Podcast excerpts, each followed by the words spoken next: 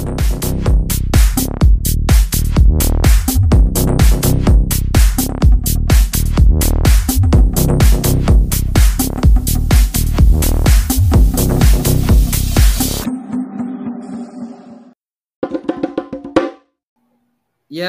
kembali lagi bersama kami tentunya dengan podcast yang selalu memberikan dan mengedukasi dengan berbagai macam informasi-informasi mengenai sepak bola.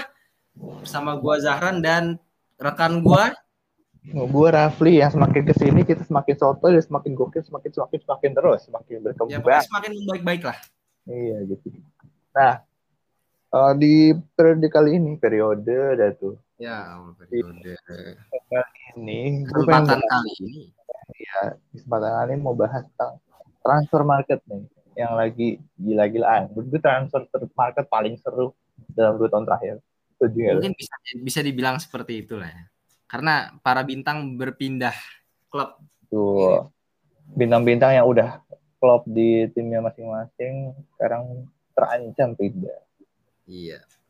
Mungkin Oh. kita langsung aja Yang seru-seru aja, Rang. Iya ya ini ini mau gue ini ini pasti seru Fli karena dia reputasi pemainnya ini loh. Mungkin yang, yang pertama kita langsung masuk ke kita bahas Ronaldo aja lah ya langsung. Oke. Ini kalau dari berita yang udah tersebar di mana-mana bahkan sabda udah turun dari seorang Fabrizio Romano bahwa seorang Cristiano Ronaldo ingin meningga- meninggalkan Juventus dan baru aja gue baca lagi kalau emang eh, bahkan Fabrizio Fabrizio Romano ini udah mengutip sendiri dari kata-kata Allegri kalau itu sudah menjadi keputusan dia untuk meninggalkan klub dan dan dia akan meninggalkan klub secepatnya gitu. Jadi ya kita tinggal tunggu aja. Permasalahannya sekarang kan kalau dilihat dari sisi Ronaldonya kan emang dari sisi pemain udah, tapi apakah emang ada klub yang mau beli dia itu? Jadi pertanyaan. Tuh. Nah, mungkin bicara tentang siapa yang mau beli Ronaldo. Ini ada satu kontender yang menurut gue lagi desperate juga dalam tanda kutipnya. Mana satu tim ini gak dapet Harry Kane dan akhirnya Iya. dia mengalihkan targetnya itu ke Ronaldo. Orang Cristiano Ronaldo, betul. Sebuah anomali ya di mana Pep melatih Ronaldo dan juga Pep akan berhadapan dengan timnya Messi di Liga Champions di group stage lagi langsung wow. Udah Kalau- gitu Iya, iya, iya, betul, betul, betul. Udah gitu Ronaldonya join ke klub yang jadi rival kota sekota klub dia dulu gitu loh. Betul, dia terkenal dulu di kenal banyak orang mulai dari Manchester United kan. Makanya ini gimana nanti reaksinya ya, patut ditunggu lah ibaratnya gimana ya. Kita lihat Kalau lah. soal peluang pendapatan atau mendapatkan Ronaldo ini gua lebih dari mungkin ya. Soalnya mengutip dari The Guardian juga sih. Jadi eh, yang ditawarkan oleh Juventus itu berada di sekitaran 25 miliar euro ataupun juga 30 miliar euro untuk pemain berusia 36 tahun ini. Kemarin sempat ada eh, isu-isu bahwa mau ditambahin juga Gabriel Jesus, tapi ternyata Pep sendiri yang bilang bahwa Gabriel Jesus itu nggak akan mungkin dijual karena dia salah satu dari tim. gitu. Mereka dia itu bagian dari tim dari keluarga City, jadi nggak mungkin Gabriel Jesus dikeluarin. sudah sudah Mau dia- ditetapkan sebagai ini ya, sebagai salah satu pemain di proyeknya dia. Betul. Sebenarnya ini agak agak agak quite surprising juga sih ini untuk Ronaldo. Bahkan ini berita baru lagi kalau ini baru beberapa menit yang lalu. Jadi bukan cuma City, bahkan tetangga mereka United pun kabarnya udah memulai pembicaraan dengan agennya itu Jorge Mendes untuk ya untuk membuka negosiasi dan lain-lainnya lah. Tapi untuk dari sisi United sendiri belum belum belum yang advance lah mungkin masih ya peluangnya masih lebih ke City lah karena udah banyak bahas mengenai biaya dan lain-lainnya. Iya, karena menurut gue dari sisi biaya juga City udah paling siap ya. Toh mereka juga sebe- sebelumnya udah mau beli Harry Kane yang target ratusan plus plus mereka udah ada duitnya gitu. Sedangkan MU posisinya baru beli Sancho dengan harga yang mahal juga. Dan nggak tahu emang. MU itu ada rencana untuk beli pemain lagi atau gimana ya. Ya, sebenarnya itu itu poin pentingnya yang barusan lu kasih tau terakhir sih. Kita nggak tahu apa rencana mau beli pemain apa enggak karena sebenarnya dilihat dari komposisi skuadnya juga nggak ada yang perlu ditambah lagi sebenarnya. emang. Pemain depan juga udah, udah bagus gitu loh. Pemain belakang juga udah ditambah. Oke, mungkin kita bisa beralih ke tim yang satunya lagi nih, tim yang lawan City di stage yaitu PSG. PSG mendapatkan lima pemain dengan harga yang cuma-cuma cuma mengeluarkan 60 sampai 70 juta euro untuk mendapatkan seorang Ashraf ini. Sisanya free agent, free transfer. Sisanya free transfer dan apa gitu. Efektif apa? mainnya sih? bukan kaleng-kaleng lagi ya. Iya. Tapi mereka diambang ini juga, Fli. Mereka lagi kena skak nih kalau misalkan menurut analisis gua ya. Karena berita terbaru juga kalau Mbappe mungkin memiliki potensi untuk meninggalkan PSG dan berlabuh ke Madrid kayaknya sih. Betul. Tapi ada satu hal yang menurut gue jadi struggle juga sih. Dan uh, tidak semudah itu jual Mbappe karena yang pertama Mbappe cuma mau pindah ke Real Madrid. Itu yang pertama. Iya, iya, iya, iya. Terus yang kedua itu Nasser Al Khelaifi bilang dia bakal mempertahankan Mbappe seberapapun harganya. So Mbappe dipatok dengan harga 200 JT plus plus. Intinya Mbappe not for sale. Kata PSG, tapi nggak tahu kenyataannya seperti apa. Tapi menurut gua daripada tahun depan kontraknya udah habis dan jadi free agent, mending dijual sekarang. Nah, itu dia. Ini sebenarnya yang yang menurut gua juga menarik banget sih buat gua karena eh, sisi skak skakmat itu ada di PSG sebenarnya. Karena kalau gue jadi Madrid sendiri gue mungkin akan ngasih bid sekitar 140 130 160 untuk pemain pemain yang punya label bintang tapi sisa kontrak satu tahun. Karena cenderung sisa kontrak satu tahun kan biasanya pemain lebih murah kan dari harga harga pasarnya.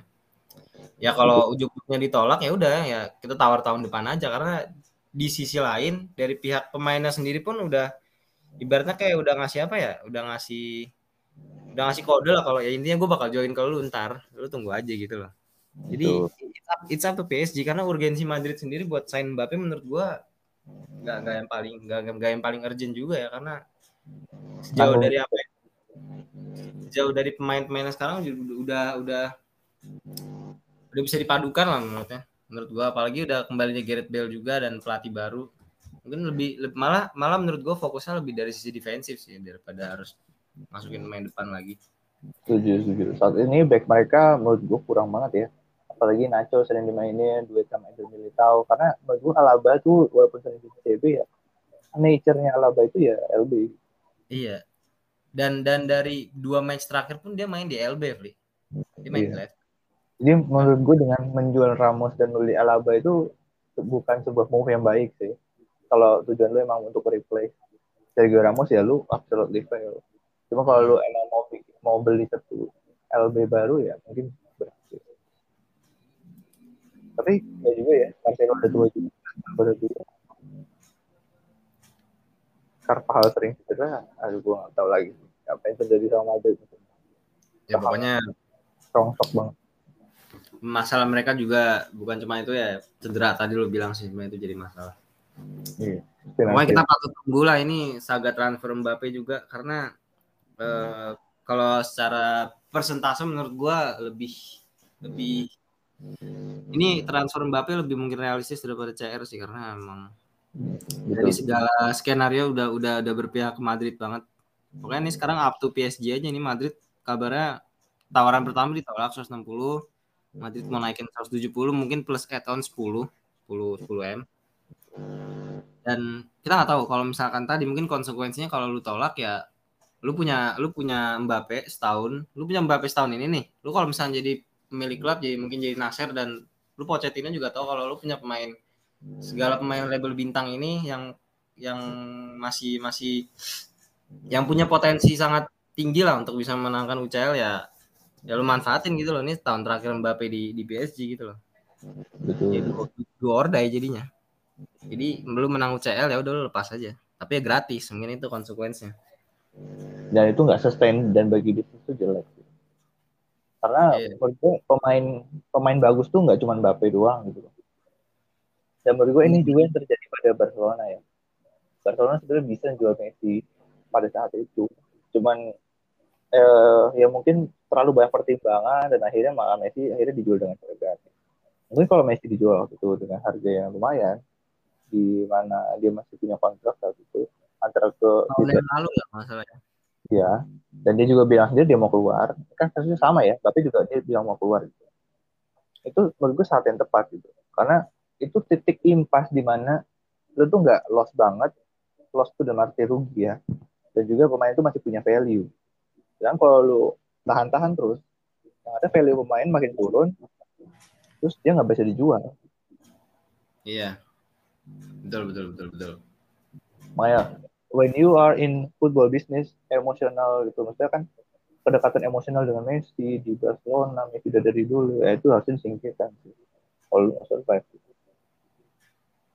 Ya intinya mungkin balik lagi kayak gitu sih kalau kalau kalau Indian PSG nolak terus Madrid akhirnya dia mundur dan jadi tahun depan ya udah emang Berarti. ya ini harus harus harus apa ya harus cari cara sebaik mungkin lah untuk bisa manfaatin Mbappe, Di Maria, Neymar, Messi dan lain-lainnya ini. Maksudnya squad mereka tuh udah sangat mumpuni lah untuk juara kan. Kalau misalkan sama mereka nggak nggak juara UCL menurut gua akan sangat lossnya gede banget ya ya, ya nggak sih Fli? Kalau misalkan mereka nggak jual Mbappe, ujung-ujungnya lu nggak ada nggak jadi lu punya potensi dapat sekitar 180 juta lah tapi lu gak jadi dapet juga gitu loh ujungnya lu nggak dapet UCL juga kan ya nggak ada yang lu dapet gitu loh karena emang tujuan mereka beli semua pemain ini juara-juara segala macam memang UCL gitu. Liga Awan tuh kan tutup mata aja dapet sebenarnya. Dan mungkin salah satunya bisa dipakai juga sih. Maksudnya lu mau pakai Messi sebagai ambasador untuk Piala Dunia di Qatar 2022 itu juga bisa. Jadi sebenarnya ini nggak murni ambisi PSG di Liga Eropa itu doang. Di Liga Eropa maksudnya di kancah Eropa, tapi juga ada sisi politisnya di mana pemain yang dibeli ini bisa juga digunakan untuk mempromosikan Piala Dunia di Qatar. Karena kan kritiknya banyak ya tentang uh, labor yang katanya kurang diperhatikan, terus juga uh, isu HAM segala macam yang terjadi di Qatar. Nah, mereka mau coba uh, tutupin ini dengan ke glamorous yang mereka buat gitu. Oke, mungkin udah cukup dari PSG karena PSG juga udah cukup lama ya tentang Messi dan selainnya udah agak basi juga kita bahas. Ada lagi kan nih yang baru-baru? Mungkin nggak ada lagi sih, Fli. Paling kalau paling ya kalau sa salah satunya ya Harry Kane paling. Tapi kan ya kita tahu kalau dia stay dan ya udah ya no surprises lagi. Betul betul. Oke lah kalau gitu mungkin dengan kelamaan juga ya. Kita kan di sini. Kan oke. Okay. Thank you guys sudah mendengarkan sampai sebanyak ini.